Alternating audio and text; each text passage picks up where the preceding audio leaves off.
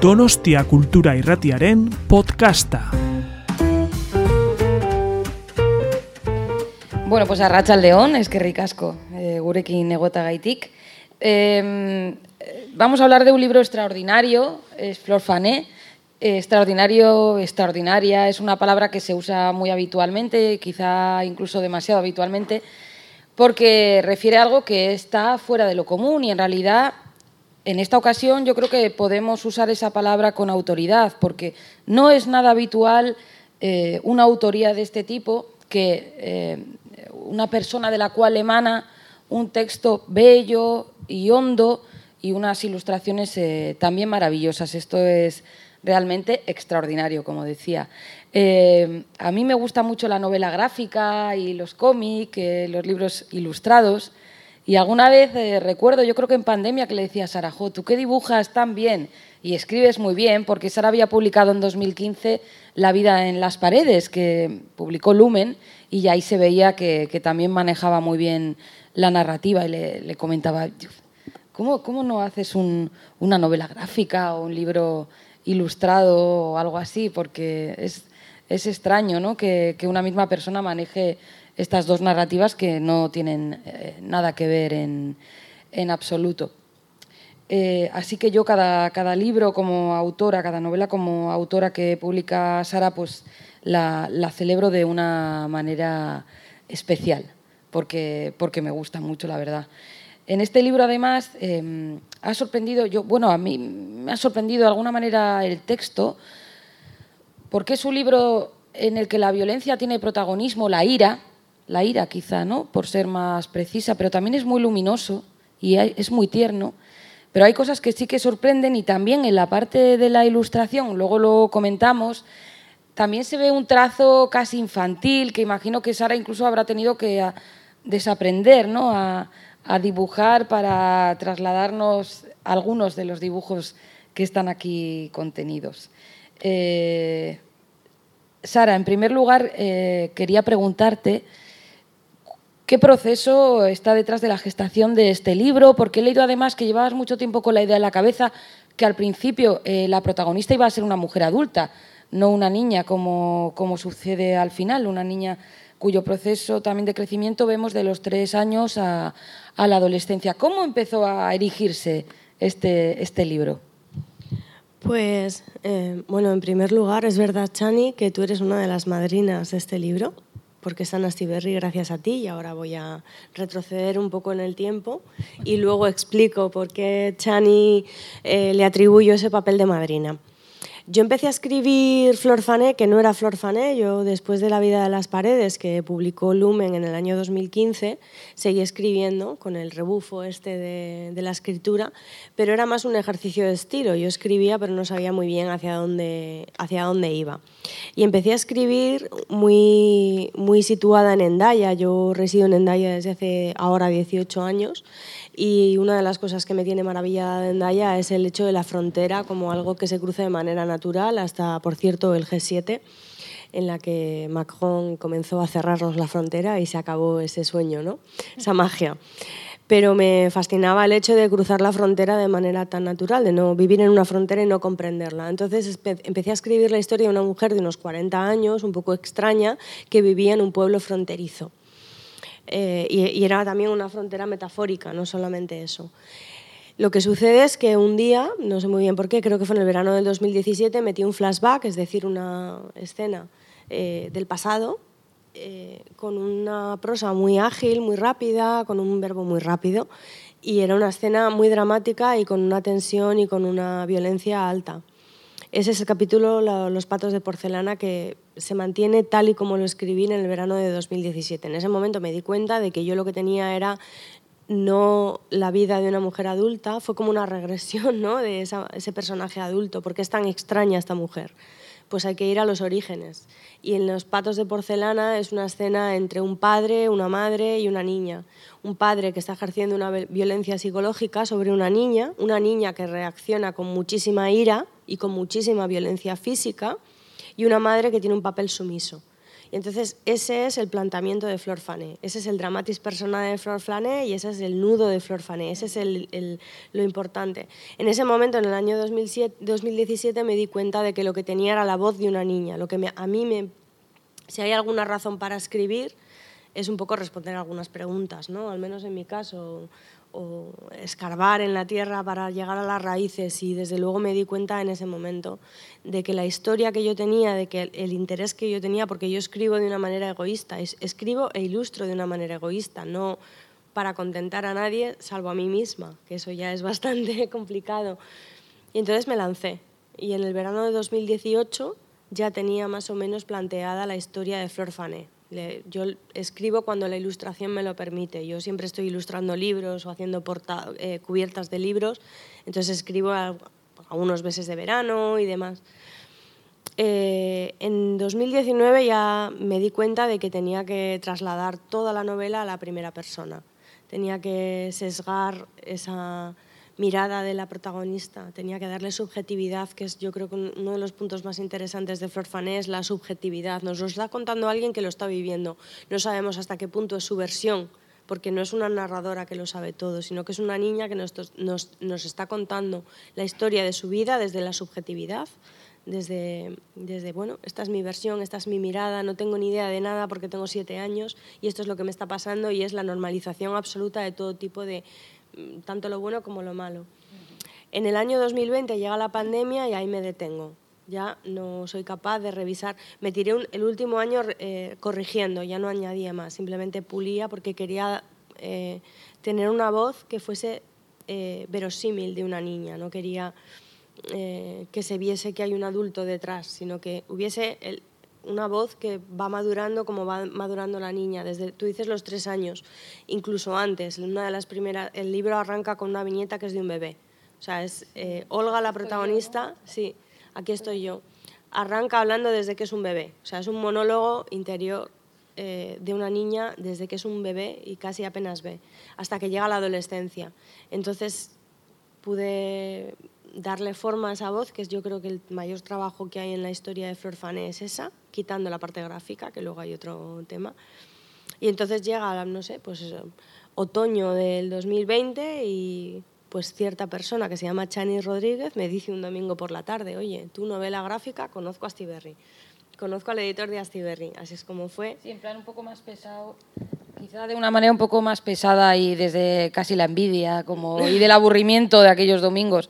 Por si yo supiera dibujar y tal, y sí, Astiberri, que son, tengo la suerte de tener cierto trato con ellos, y es una editorial. Bueno, la edición es, preciosa, el libro es precioso, ya no solo por, por el contenido, sino por la forma, ¿no? que está muy bien cuidado. Yo conocía el trabajo de Astiberri, el catálogo, el catálogo de Astiberri para mí era un sueño, que a mí Astiberri me quisiese publicar, o sea, no, no me entraba en la cabeza.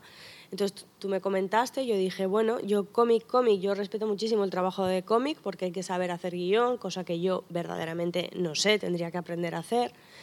Y me comentaste, yo dije, bueno, pero un híbrido, que es lo que es Florfané al final, me permitieron hacerlo. Entonces yo les envié el manuscrito sin revisar, sin leer, sin corregir, a lo loco. Entré en contacto con Fernando Tarancón de Astiberri, eh, gracias a Chani. Eh, les gustó mucho la idea, les gustó, conocían mi trabajo. ¿Gol? ¿O son no? bueno, ya. Hombre, si es, el público está aplaudiendo, bien, bueno, me alegro. Em, continúo. Eh, y pues esto fue en noviembre y salió, pues me tiré un año dibujando y aquí viene también un trabajo de investigación, de suena así un poco tal, pero yo quise darle a esa voz, si el monólogo está escrito desde la voz de la niña que está sufriendo una situación tremenda en casa y dándole muchísimo protagonismo a la forma de ver tan condicionada por esa situación. No es lo mismo vivir en un ambiente familiar normal, entre comillas, que vivir en una situación donde hay violencia y donde mamas violencia y donde normalizas la violencia. Porque toda tu perspectiva cambia, percibes todo de manera muy diferente, tienes que reaprender si puedes a partir de cierta edad, ¿no? observar. Entonces ahí eso quise que se reflejara también en la parte gráfica. Nos has contado, y te lo agradezco, parte de- del De to- de proceso todo lo que de escritura. Sí, ya, ya está. Ya está, ya hemos terminado. Pero, por ejemplo, nos has contado que era una mujer adulta, pero que viste que el nudo estaba un poco en, en- en el pasado ¿no? de, de esa mujer. Y también nos has dicho que elegiste la primera persona, que lo viste rápido, y es verdad que en esta novela el punto de vista y la mirada eh, que revivifica la infancia es muy importante. Pero no quiero pasar por alto otra lección que hiciste, que es la del presente, porque en todo momento se nos cuenta la historia como si sucediera ¿no? en, en esos instantes. Si Sara hubiera decidido usar el pretérito perfecto, habría podido todavía resguardarse en la voz narrativa de una persona adulta, pero al elegir el presente, todo el rato la voz es de una niña que va creciendo, de una niña que hasta, hasta la adolescencia. A mí esto me parece un poco el triple salto mortal. Es, complicado porque la verosimilitud aún se vuelve más exigente con este falso presente. Digo falso presente porque el tiempo va avanzando, no estamos solo en un, en un momento. Esto también, eh, eh, ¿cuándo viste que tenía que, que ser escrito con, con el tiempo verbal presente? Pues yo creo que eso fue al, al principio, desde la primera vez que metí ese flashback, es Los patos de porcelana, ya lo escribí en presente. Porque eh, tiene un punto testimonial, confesional, en el que estás narrando algo que es muy duro. Es una situación muy dura de violencia, a veces psicológica y a veces física, o incluso cualquier otro episodio en la vida de una persona que pasa de la adolescencia. Entonces hay un hecho traumático que se tiene que soltar rápido. Cuando tú cuentas algo que, que es duro, que te ha sucedido y que es rápido, lo sueltas rápido. Y lo sueltas de forma muy ágil. Y ese es el estilo en el que está narrado Flor Fané en la, en la gran mayoría de los episodios o capítulos. Lo va soltando rápido, porque se va despojando de ese peso, lo va verbalizando. Hay que decir que no tiene un interlocutor, es una niña o un adolescente que lo está se lo está narrando a sí misma. De ahí también esa subjetividad. Ella no le está explicando a nadie lo que le está pasando. Ella se lo está, lo está pensando. Es un pensamiento que nosotros podemos leer. Entonces eh, necesitaba el tiempo presente porque es el tiempo eh, más... em, no me sale la palabra. eh, como los hospitales. Quirúrgico. Mm, quirúrgico por un lado y también aséptico. Aséptico. Lo suelta, lo suelta.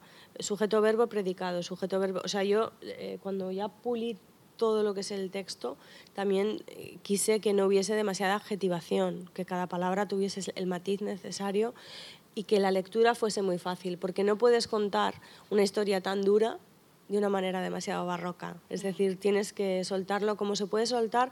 Yo a veces lo pienso, yo nunca he hecho, eh, ¿cómo se llama esto? Que te tumbas en un diván y cuentas. Psicoanálisis o terapia, ¿no? Psicoanálisis, Terapia, o algo así. Nunca lo he hecho, pero yo creo que de hacerlo lo haría de esa manera, ¿no? O sea, lo sueltas rápido. No quieres deleitarte en los detalles porque no es necesario. Es concreto y es muy duro, claro. Y ella llega un momento en el que se da cuenta, porque es observadora y es curiosa y ve cómo funcionan las demás familias a su alrededor y se da cuenta de que no es tan normal lo que le pasa a ella, que ella empieza a, a llevar mucho peso las palabras que está soltando, porque es muy consciente de lo que, está, de lo que se está contando a sí misma. Estoy totalmente de acuerdo con que el libro no es nada barroco, no es digresivo, no se le explica al lector o lectora qué es lo que tiene que pensar, no se le dice esta niña cómo está sufriendo. Es eh, a través de ese presente y de la primera persona como creo que consecuencia natural lo que se hace es mostrar la realidad ¿no? de, de- esa chica, el día a día. Pero lo del detalle que has dicho, ahí no sé si estoy yo tan de acuerdo contigo, porque, sin embargo, y a pesar de esto, eh, una de las cosas que a mí más me ha gustado de, de Flor Fané es el grado de, de detalle que alcanzas. Decía Truman Capote, yo pensaba que escribir era fácil hasta que descendí al infierno de, de los detalles y el detalle literario es algo mágico, cuesta mucho encontrarlo. Cuesta mucho contar algo y dar un detalle que no esté ya manoseado a través de eh, los siglos y, eh, y siglos ¿no? en los que llevamos escribiendo. Y aquí hay muchísimos detalles, tanto en el texto como en la ilustración. No sé cómo buscas tú el detalle, si, si, si tomas notas, si sacas fotografía, porque son chispazos. No sé cómo, de qué manera los puedes atesorar para luego eh, sacarlos. Pues yo creo que yo soy un poco así. Es que no soy consciente tampoco de ello, pero me lo han dicho mucho, sobre todo de, de Flor Fané y de la vida de las paredes también, que, pero es que yo soy muy de fijarme mucho en todo. Y luego a fuerza de, para hablar de algo tienes que conocerlo muy bien, de todo, incluso de un escenario, pues te documentas mucho. Pero yo creo que soy, yo soy una persona de fijarme mucho en los detalles y si voy a hablar de algo tengo que conocerlo muy bien y también eso eh, si vamos a hablar de un sentimiento, por ejemplo, el capítulo en el que Olga conoce la muerte eh, de un niño que está nadando, hay una serie de detalles que en realidad forman parte de mi conocimiento. No, no hago spoilers y digo además aquí que estamos en el norte, quienes hemos aprendido a nadar en el Cantábrico sabemos que si te lleva una ola tienes que hacerte el muerto. Quiero decir, son, explico con todo lujo de detalles cómo, vencer, cómo engañar al, al mar para que no te ahogue, ¿no? Eh, pero eso forma parte de, mí. Es que no de tu mirada, ¿no? Quizá también el hecho de ser ilustradora tiene algo que ver, ¿no? Porque imagino que también os fijaréis de una manera que los que no dibujamos no lo hacemos, ¿no? Muy atentos también al pequeño eso de, detalle, a lo que distingue, ¿no? A un rostro, que es lo que tiene en las descripciones en literarias. Eh, muchas veces se dice, ¿no? A la gente que quiere escribir pues no, haga, no describas lo típico, los rasgos más comunes. Si tiene algún rasgo que no es tan común, resáltalo, algo que lo distinga, que lo identifique. Digo que igual también tiene que ver, ¿no? Lo de ilustrar con, con la mirada esa. Bueno, la imagen es fundamental. Es curioso porque en La vida de las paredes, mi, mi primera novela, eh, me dijeron que era una narración que parecía como o sea, me dijeron narras como ilustras, no lo puedo evitar, yo para mí los detalles son fundamentales.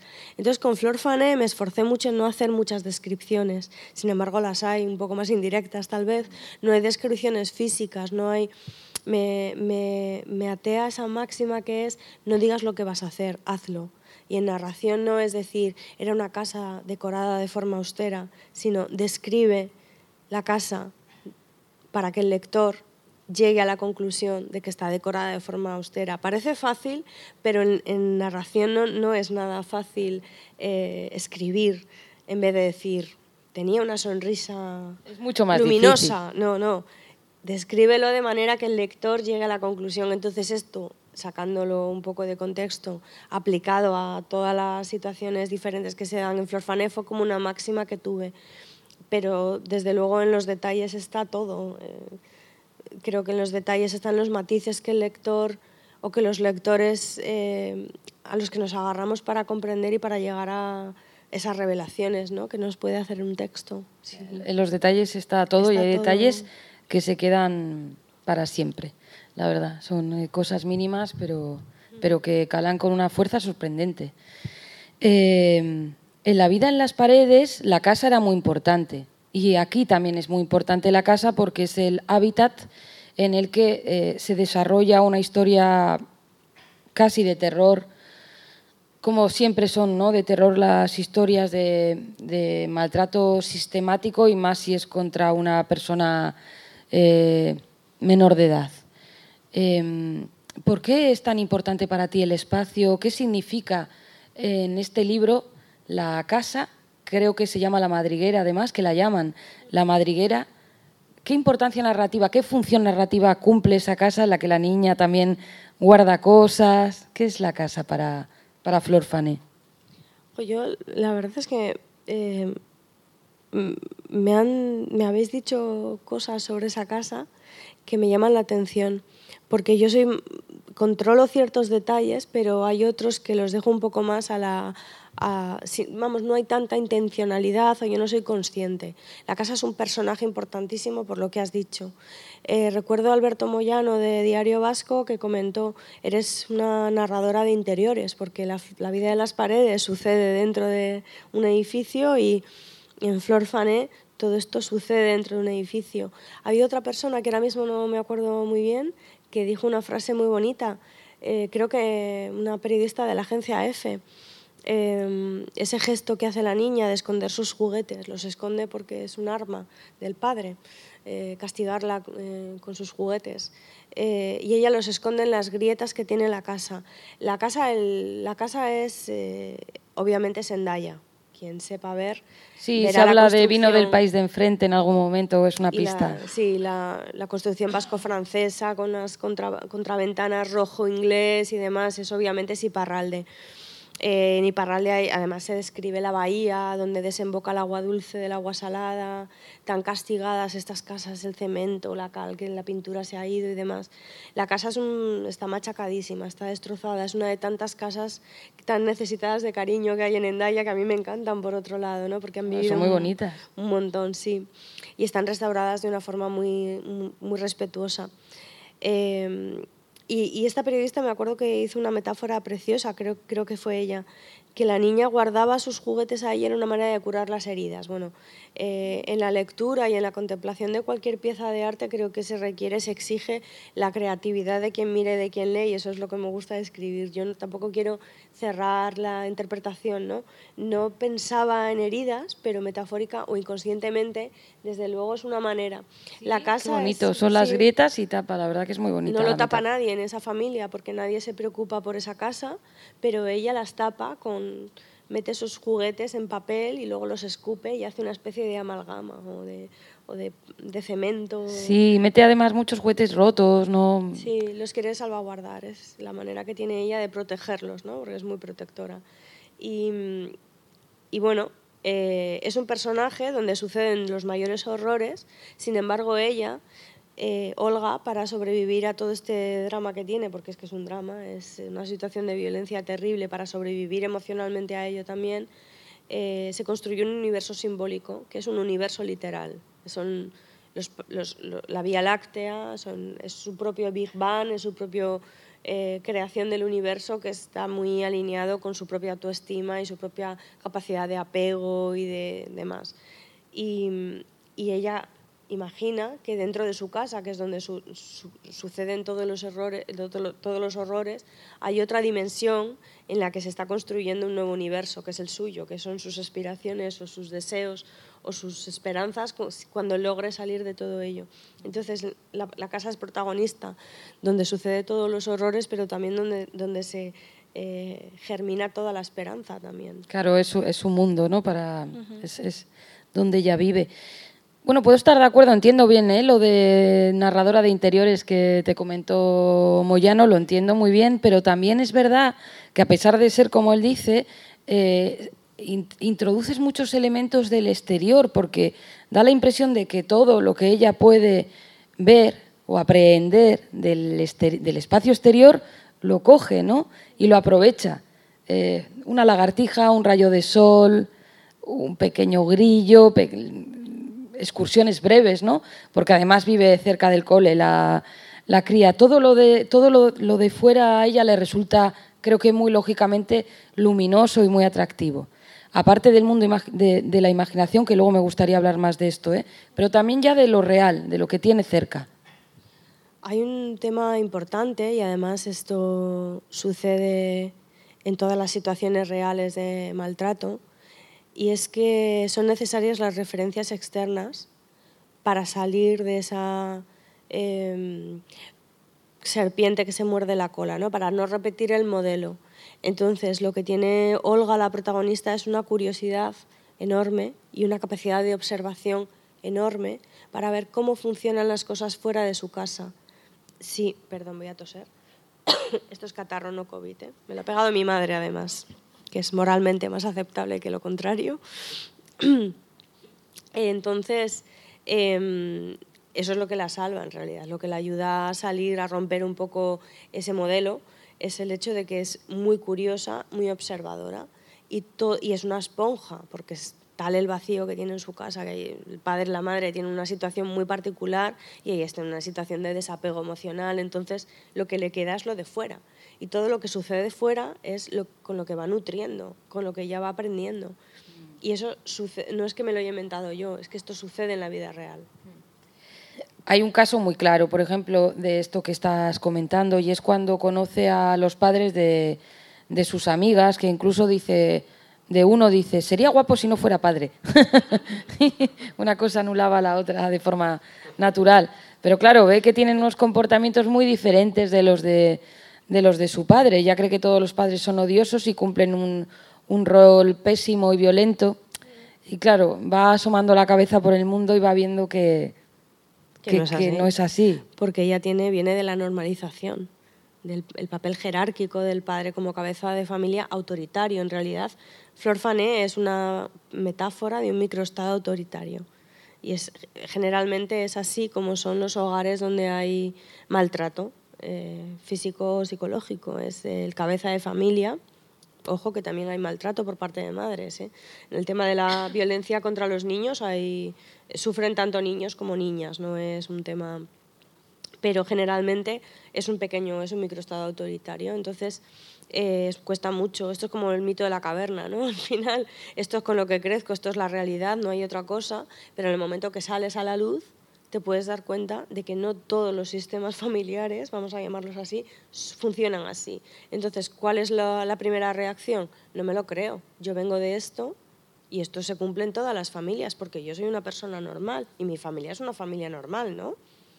Entonces, gracias a esa curiosidad y demás, te das cuenta de que, ojo, no todo funciona así. Por eso hablo de las referencias externas. Es una manera de, mm, de comparar. Comparar es muy importante. Y de nuevo, sin decirlo, mostrándolo eh, continuamente. Hay momentos, eh, hay momentos luminosos en el libro, eh, quiero dejarlo claro, que no es todo oscuridad. Pero sí que es verdad que hay algunos momentos espeluznantes. Por ejemplo, a mí me ha impresionado mucho lo alerta que es capaz de estar Olga, la niña, cuando, por ejemplo, con el sonido de las puertas, cuando se abren y se cierran, por la forma y la intensidad, la fuerza con la que se abren y se cierran las puertas, ella ya sabe qué es lo que se puede avecinar o qué nivel de, qué nivel de amenaza ¿no? se puede estar teniendo sobre, sobre ellas. Em, esa sensación de angustia constante, de alerta constante, es, es como decía, eh, espeluznante y seguramente pues así será también, ¿no? Eh, me imagino que es, una, es un traslado que haces tú bastante fiel de, de, estas circunstancias, que por otro lado me gustaría saber, Sara, por qué has decidido em, escribir una historia como esta y, ¿Y cómo te has documentado? Voy a usar este verbo tan frío, documentarse, porque es algo muy emocional, pero eh, todo cuadra, además, eh, ya has hecho muchas entrevistas, has hablado, has recibido todo tipo de testimonio y se refrenda, ¿no? Em, hay cosas eh, en las que a veces quizá como no hemos vivido esa circunstancia no nos sumergimos y no accedemos a esa realidad. ¿Cómo has accedido tú a esta, realidad que muchas veces se vive de puertas para adentro, ¿no? Como le pasa a, la niña Olga. Y, sigue, ¿eh? hay muchísimo pudor en personas adultas que han vivido esta experiencia de niños y no les va a ser fácil reconocerlas porque hay un grado de vergüenza y culpabilidad, eh, porque mm, no, no, les apetece. Sin embargo, eh, en presentaciones y demás, a mí gente muy, de forma muy discreta me ha dicho es tal y como lo cuentas. Eh, ha habido una labor de documentación eh, previa, de historias reales. Esto no está sacado de la nada. Hay una base, es ficción, pero hay una base muy real porque no te puedes, poner, no, no, no te puedes poner a escribir sobre algo tan delicado sin conocer bien de qué va esto. Em, y, lo que me llama la atención es que el perfil del maltratador coincide siempre, es muy poco original. Hay un tema de dependencia emocional del maltratador, de todas estas personas, que pone bajo la suela de su zapato. Necesita tener, eh, para medirse, necesita tener a alguien que esté por debajo. Entonces no, no permite el crecimiento de, de la identidad, de, la autoestima de las personas que necesita tener permanentemente por debajo. Por eso siempre digo que hay un tema de debilidad, de inseguridad. Y, sucede en todos los casos eh, de los que he tenido noticia. O sea, coincide siempre. Pero no solamente el maltratador en casa, sino el buller en el colegio.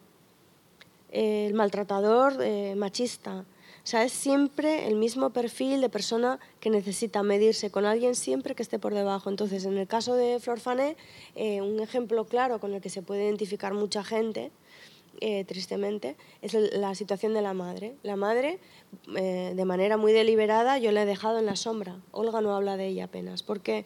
Porque el padre ya la ha sometido. Para cuando Olga comienza a recibir toda esa violencia, el padre ya ha conseguido someter a la madre, de manera que la madre está anulada, porque el aislado, esto nos sonará de un montón de testimonios de violencia machista. Lo primero que hacen es aislar a su pareja o lo que sea. La aíslan, la anulan como persona independiente y no dejan que tenga relaciones sociales, amigas, familia, que no tengan los puntos de apoyo. Entonces, Flor Fané pasa por encima de esto porque no deja de ser la percepción de la hija. Es un poco injusto, si lo piensas, porque tampoco explica por qué razón la madre de Olga eh, no dice ni mu. Es que la madre de Olga es la primera víctima.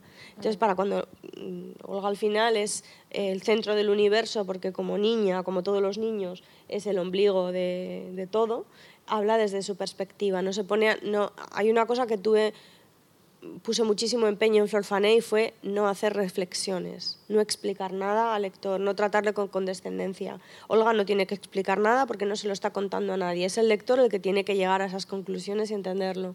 Entonces queda un poco así. Y si es verdad que a mí en, presentaciones eh, me ha venido gente muy, muy cauta y con mucho cuidado porque sigue siendo un tema muy tabú este. Porque les duele. Muchísimo. Y no hay ningún tipo de impostura en ahí. este libro se nombra, es importante porque se nombra. De alguna manera ayuda también a nombrar lo que es. Oye, y con lo que estás diciendo, ¿qué hay más de maldad o de fragilidad en estos eh, hombres y como apuntabas también a veces mujeres que maltratan? Eh, hombre, es complicado cuando hablamos de hombres, mujeres. Generalmente hay una historia que se repite. Eso es lo triste, por eso es tan delicado el tema del maltrato infantil, porque se repite el modelo. Es fácil que se pueda llegar a normalizar tanto que se repita. Yo no soy experta, no soy psicóloga, no soy... Creo que hay un tema de sadismo y de inseguridad, fundamentalmente. Más que de maldad, es un tema de sadismo y de inseguridad en el sentido de que necesitas tener...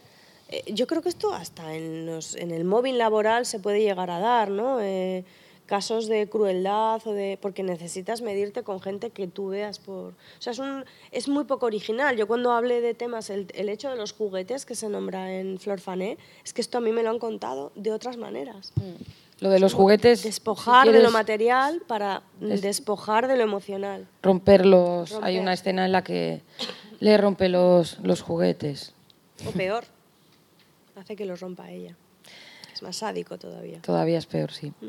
Sobre la madre dice, voy, no, no creo, ¿no? Penalti. Yo estoy muy tentada de decir que voy con el Cádiz aquí para allá terminar de... Porque me gusta el himno del Cádiz, porque yo soy muy carnavalera. Eh, voy a leer, mm, si no te importa, Sara, porque son cinco líneas, no creo que se destripe nada, pero estábamos hablando de la madre y su papel eh, dentro de esta familia y creo que estas líneas ilustran muy bien eh, lo que nos explicaba ahora también muy bien Sara. Dice, a mi madre la veo más como a una hermana mayor que como a una persona con autoridad y responsabilidad sobre mí. ¿Vas a volver a desobedecerme? pregunta mi padre. No, responde mi madre muy bajito, sobre la alfombra de la entrada. Somos iguales, estamos a la misma altura, siendo ella mucho más grande que yo, tan hecha y con esa voz de mujer adulta. Fíjate qué grado de perversión, por mi parte como escritora, pero es así.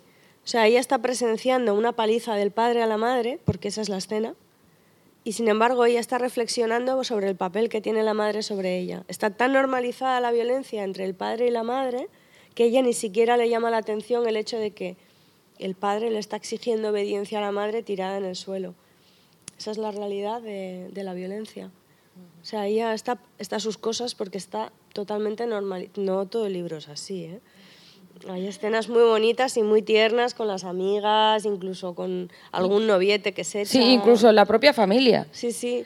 claro, porque eso es también lo, lo, lo, lo, perverso de esta situación, es que eh, yo una vez le oí a una asistente social que dijo que los niños en situación de maltrato, eh, lo último que hacían era eh, el desapego, o sea, era dificilísimo el desapego con los padres maltratadores, porque es tu raíz entonces los niños que crecen eh, en este ambiente es normal son sus padres, no van a desprender, o sea, es más fácil el desapego de los padres a los hijos que de los hijos a los padres. Entonces, ¿por qué le doy tanta importancia a la ira ahora que está tan denostado esto de no hay que odiar? ¿Cómo que no hay que odiar? Vamos a ver, hay que odiar cuando, cuando haya que odiar, cuando te tengas que despojar de toda la gente que te puede hacer daño. Lo difícil precisamente es nombrar, me hace daño esta persona y me tengo que, distanciar. Eso es dificilísimo cuando, cuando creces en ello. Entonces la ira es muy importante en este libro. Es súper es lo único que salva, la ira. Es muy importante y, y, también lanza reflexiones que yo creo que son importantes también, porque mm, se habla mucho ¿no? de los casos de eh, niños o niñas que han sido maltratadas, que luego es más probable que quizá también eh, actúen ¿no? de esa forma eh, disfuncional. Y aquí em, la ira quien sufre ira a veces también recibe ese ejemplo y descarga ira contra otras personas de forma injusta. Y este, esto también se ve en, el libro, en concreto en una escena, ¿no? Muy, con, mucha, con mucha claridad, que la víctima también está a punto de convertirse en verdugo si no se convierte en verdugo, de hecho, alguna vez. Y además lo ve, lo, revive, lo vive y lo revive durante las horas siguientes. Eh, con el miedo de haberse dado cuenta del bienestar que le produce causar daño físico. Es una revelación también. ¡Wow! He, hecho, he producido daño físico. He descargado toda la ira que tengo en mis puños. Y es una revelación de, ostras, eh, soy igual que mi padre.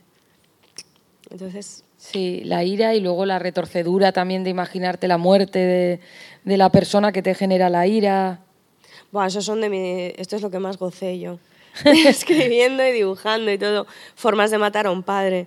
Pero eso yo creo que es, eh, todos los que somos creativos nos salva de la locura absoluta la creatividad, ¿no? O vamos al psicólogo o creamos, yo creo, o sea, inventamos, ¿no? Nos bañamos en la ficción.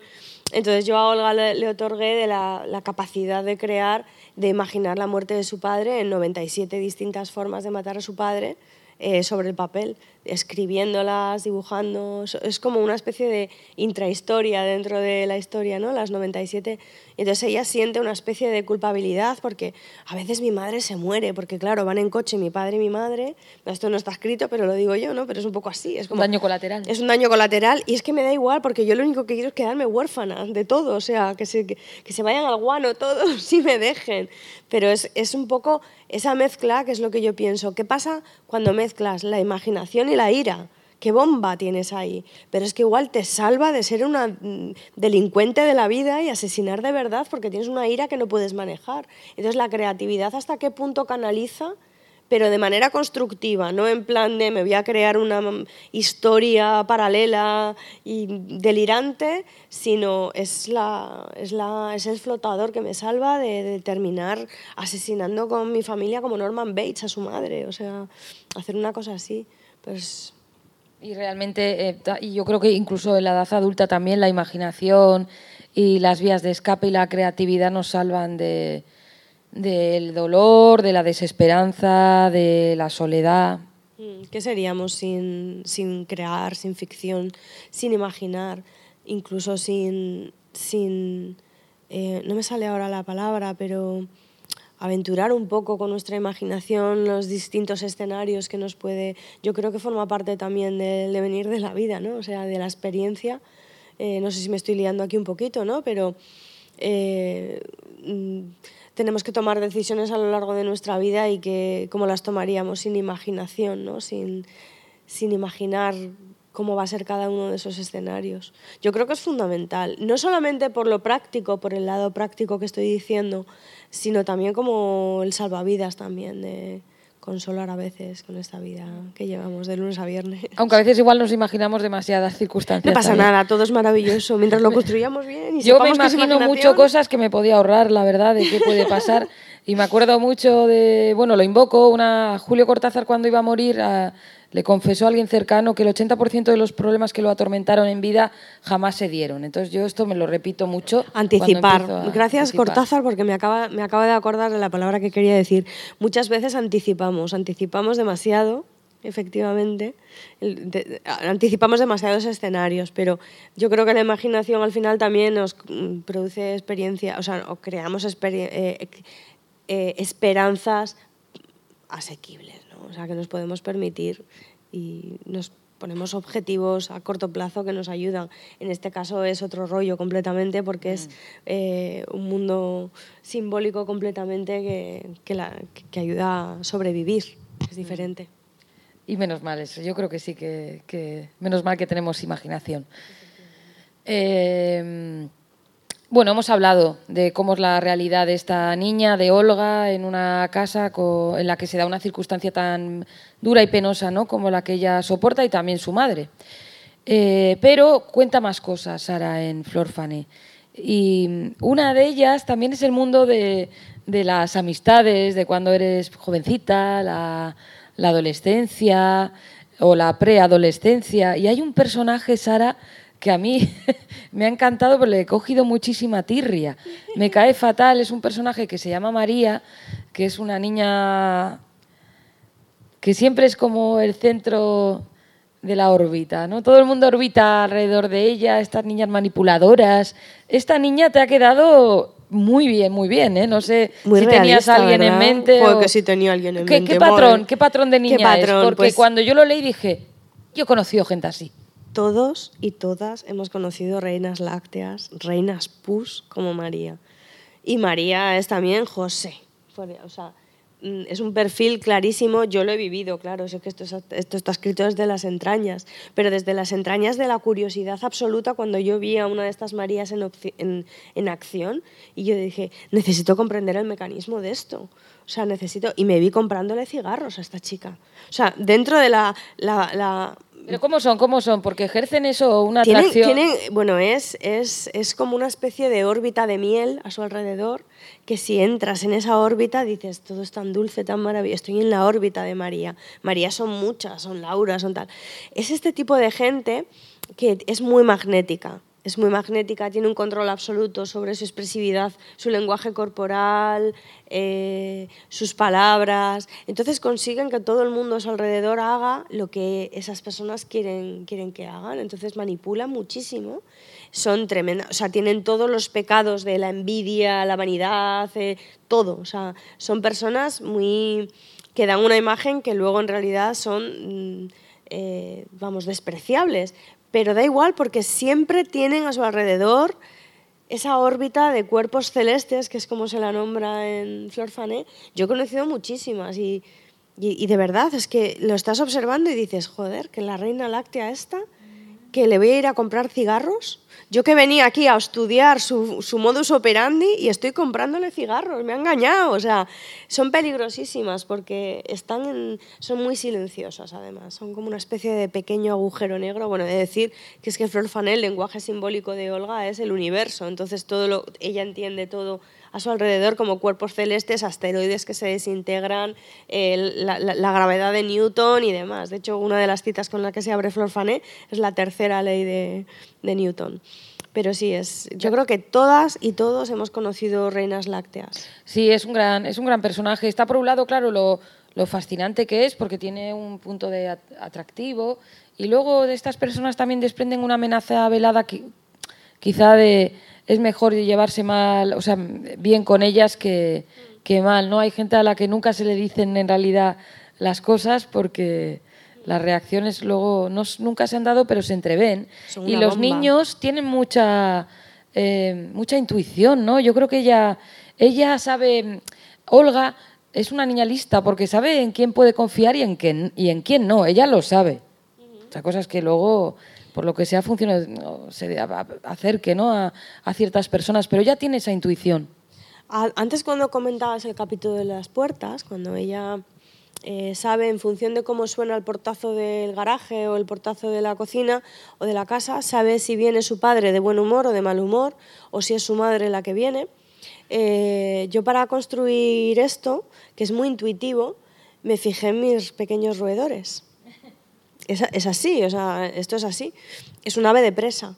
Lo sabe, lo, o animal de presa, mejor dicho. Los animales de presa tienen un instinto eh, les hayan criado sus padres o se hayan criado en una pajarería, tienen un instinto exacerbado en el sentido de que saben, o sea, están continuamente alerta.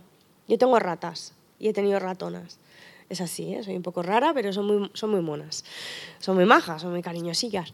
Entonces, eh, ellas, aunque, aunque sepan que yo no me las voy a comer, están continuamente alerta porque están programadas, porque va a venir un búho y se las va a llevar, porque va a venir una serpiente y se las va a llevar. Entonces son animales que procuran ir por los bordes.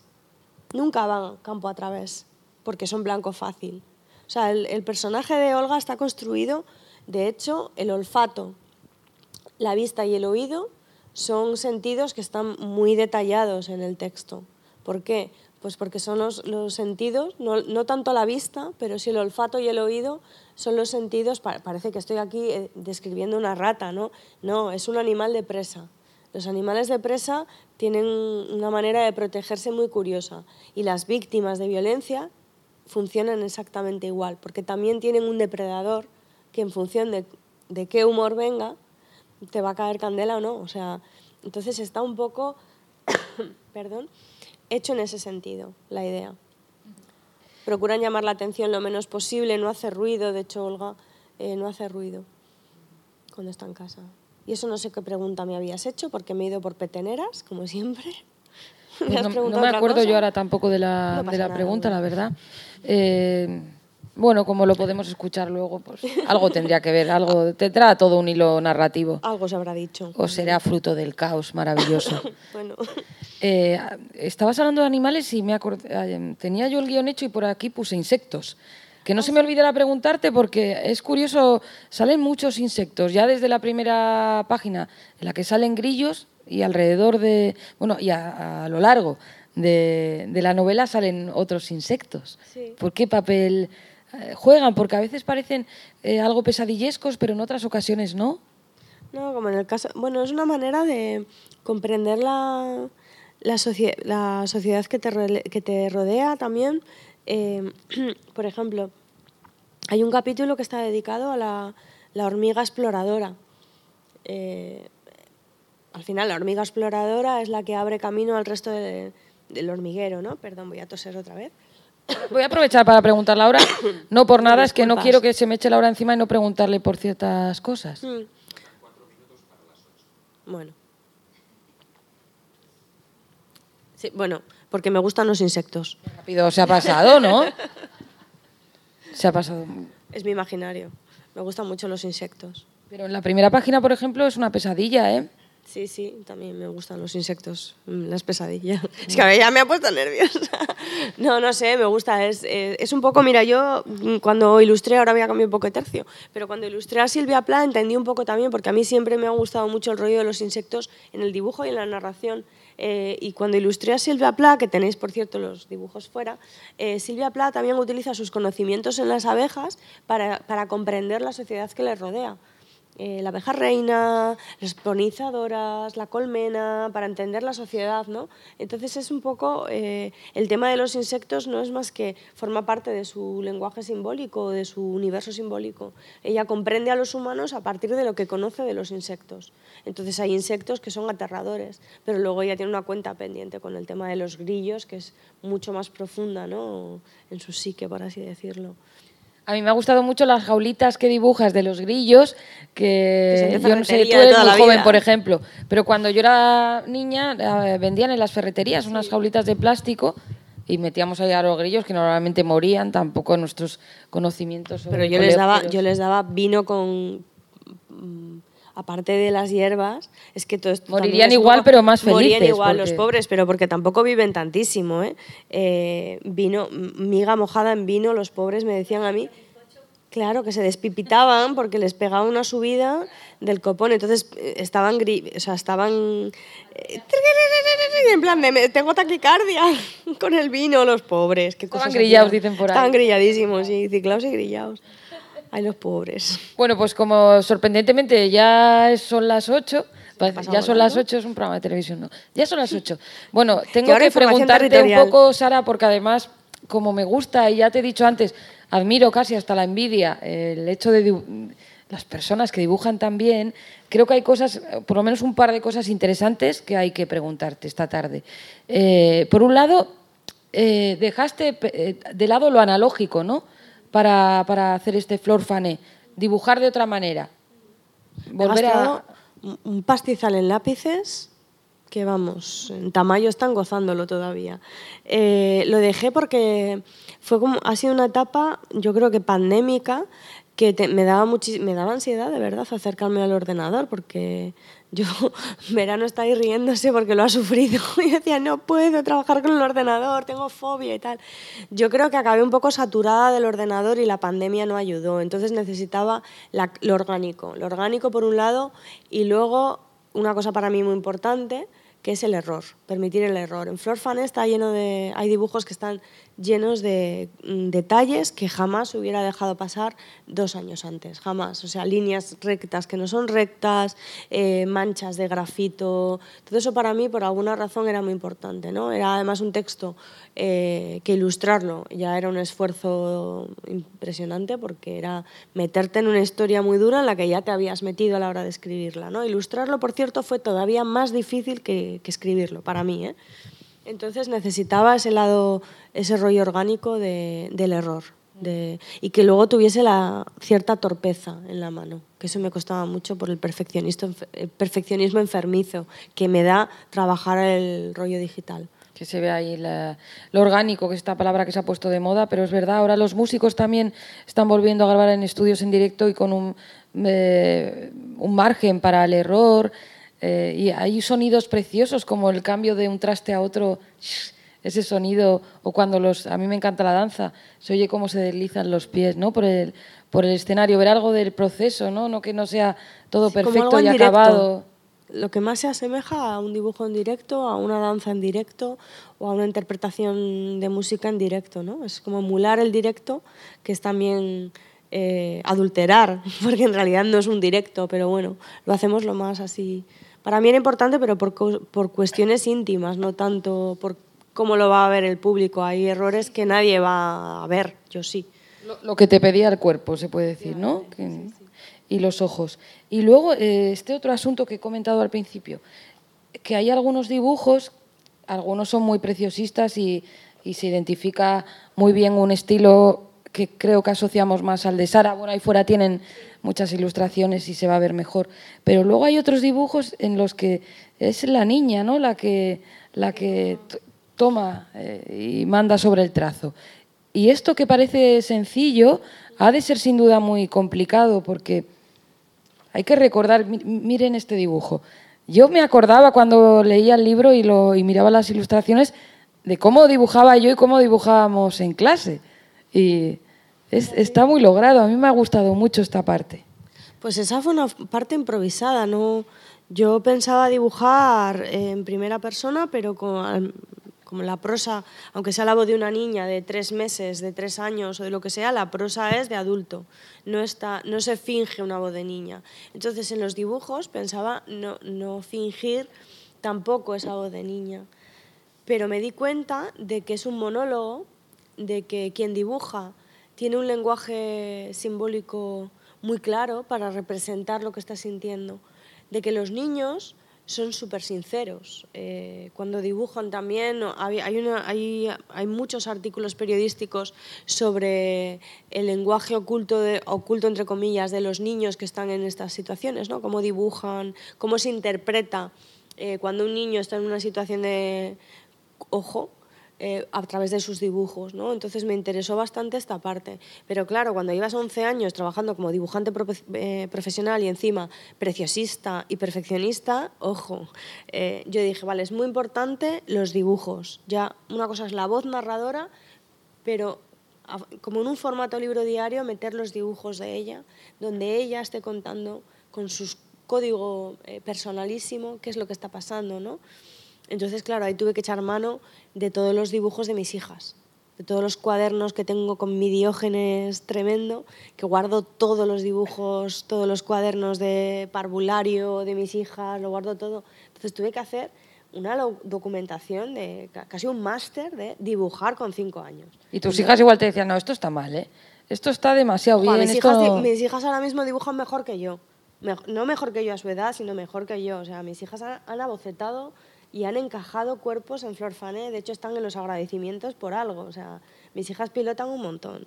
Eh, entonces, no, les parecía perfecto. Esto, ¿qué te parece? Como un dibujo de tres años. Muy bien, muy bien. Sí, sí, sí, tal, no sé qué. Son súper pro, mis hijas. Ay, me gustaría un montón ir a verte un día, una tarde, trabajar, estar ahí en plan mm, como una mosca ahí al lado. Pero claro, es muy molesto, no, no voy a insistir sobre esta idea, pero me gustaría chinchorrear eso. bueno, Vente cuando quieras. No sé si alguien quiere hacer alguna preguntilla en el tiempo que quede hasta... No sé. Muchas gracias. Eh, me ha mandado un mensaje Luisa Chenique y me ha dicho, vete inmediatamente Qué maja a la Luisa, presentación. Gracias, Luisa.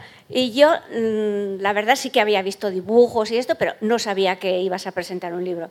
Y aquí me he venido luchando contra toda la marea humana, que por poco me, me tiran al suelo, pero estoy encantada de haber venido, porque me habéis hecho un enganche morboso al libro. O sea, es que lo tengo que, que leer ya. O sea, sí, sí, porque... Y luego se ve que hay una complicidad entre vosotras. O sea, muy bien, ha estado precioso, ha estado muy bonito, por mi parte. ¿eh? Y también decirle a Chani que su libro me gustó mucho también, el de los románticos. Pues muchísimas Me gracias. sorprendió, o sea, me ha gustado. Y bueno, cuando lo lea, ya le diré a Luisa que te mande un mensajito, ¿eh? porque ella está en Madrid presentando su libro también. Lo sé, lo sé. Eso es. En Vale, el libro de pues Luisa eso. hay un niño también que dibuja, porque Sí, no habla y sí. dibuja y Sí. también tiene su conexión. No, no, está muy bonito también este, sí. Vale, pues muchas gracias. ¿eh? Bueno, Venga. muchas gracias a ti. Vale. No sé cómo te llamas, pero muchísimas gracias por tus palabras, por venir. Muchas gracias a Luisa y gracias. Pues eh, Nosotros tampoco te conocíamos, solamente por los dibujos que hay aquí, que hemos veni- solemos venir a la Casa de Cultura, pero estamos también emocionados de todo lo que nos estás contando y nos parece muy interesante. Una pena que estemos poquitos, pero hemos gozado. Sí que es verdad que el diálogo entre vosotras ha sido extraordinario. Sí. Lo que me da mucha pena es no haber tenido oportunidad de leer el libro todavía. Pero vamos a ir a la librería. Sí, exactamente. Pero ha sido verdaderamente fuera de lo normal. O sea, yo estoy encantado. Estamos. Muy agradable, Gracias. sí, sí, ha sido todo. Pues muchísimas gracias. En mi nombre de Chani, claro. E- e- Efectivamente.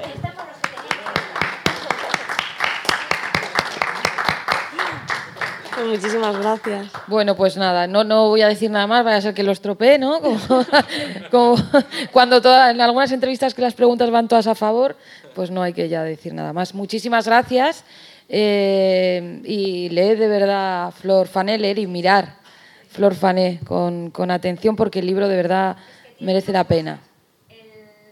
la lectura y luego los dibujos, más que otros libros. Es, totalmente, es completísimo, ¿no? bueno, pues nada, es que ricasco será un placer. Es ¿qué que a ricasco decir? a ti. Gracias.